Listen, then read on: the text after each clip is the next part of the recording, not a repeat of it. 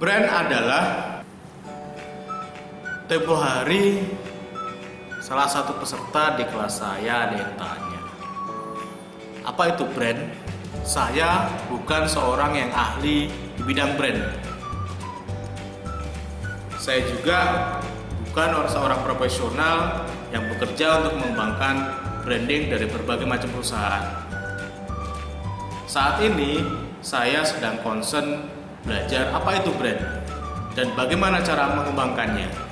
Kalau di video-video sebelumnya saya menyebut diri saya sebagai branding spesialis, itu artinya saya sedang menginternalisasi agar suatu saat saya bisa jadi ahli brand seperti ahli-ahli brand yang saat ini ada di Indonesia.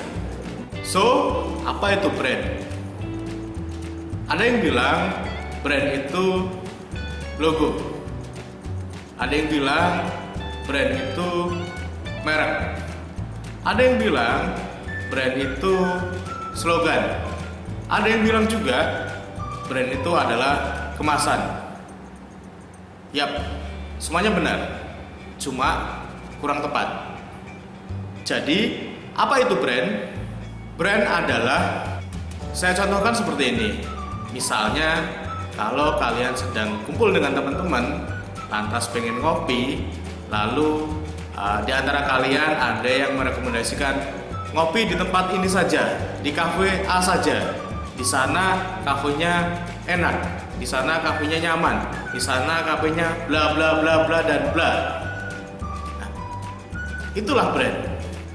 Atau kalian sedang ingin makan siang, lalu tiba-tiba di antara kalian ada yang merekomendasikan makan di rumah makan A saja. Di sana makanannya enak, di sana makanannya lezat, di sana makanannya uh, higienis, di sana tempatnya cozy, di sana tempatnya nyaman, dan berbagai macam alasan yang lainnya.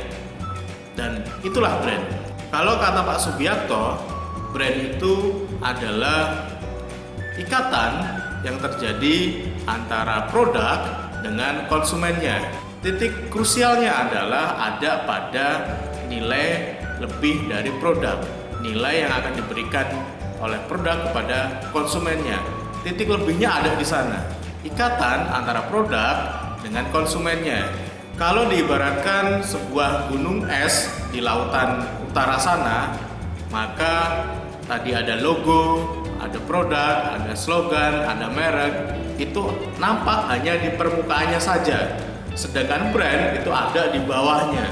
Jadi brand lebih besar dari yang namanya logo, produk, merek, slogan, dan sebagainya. So, apa itu brand?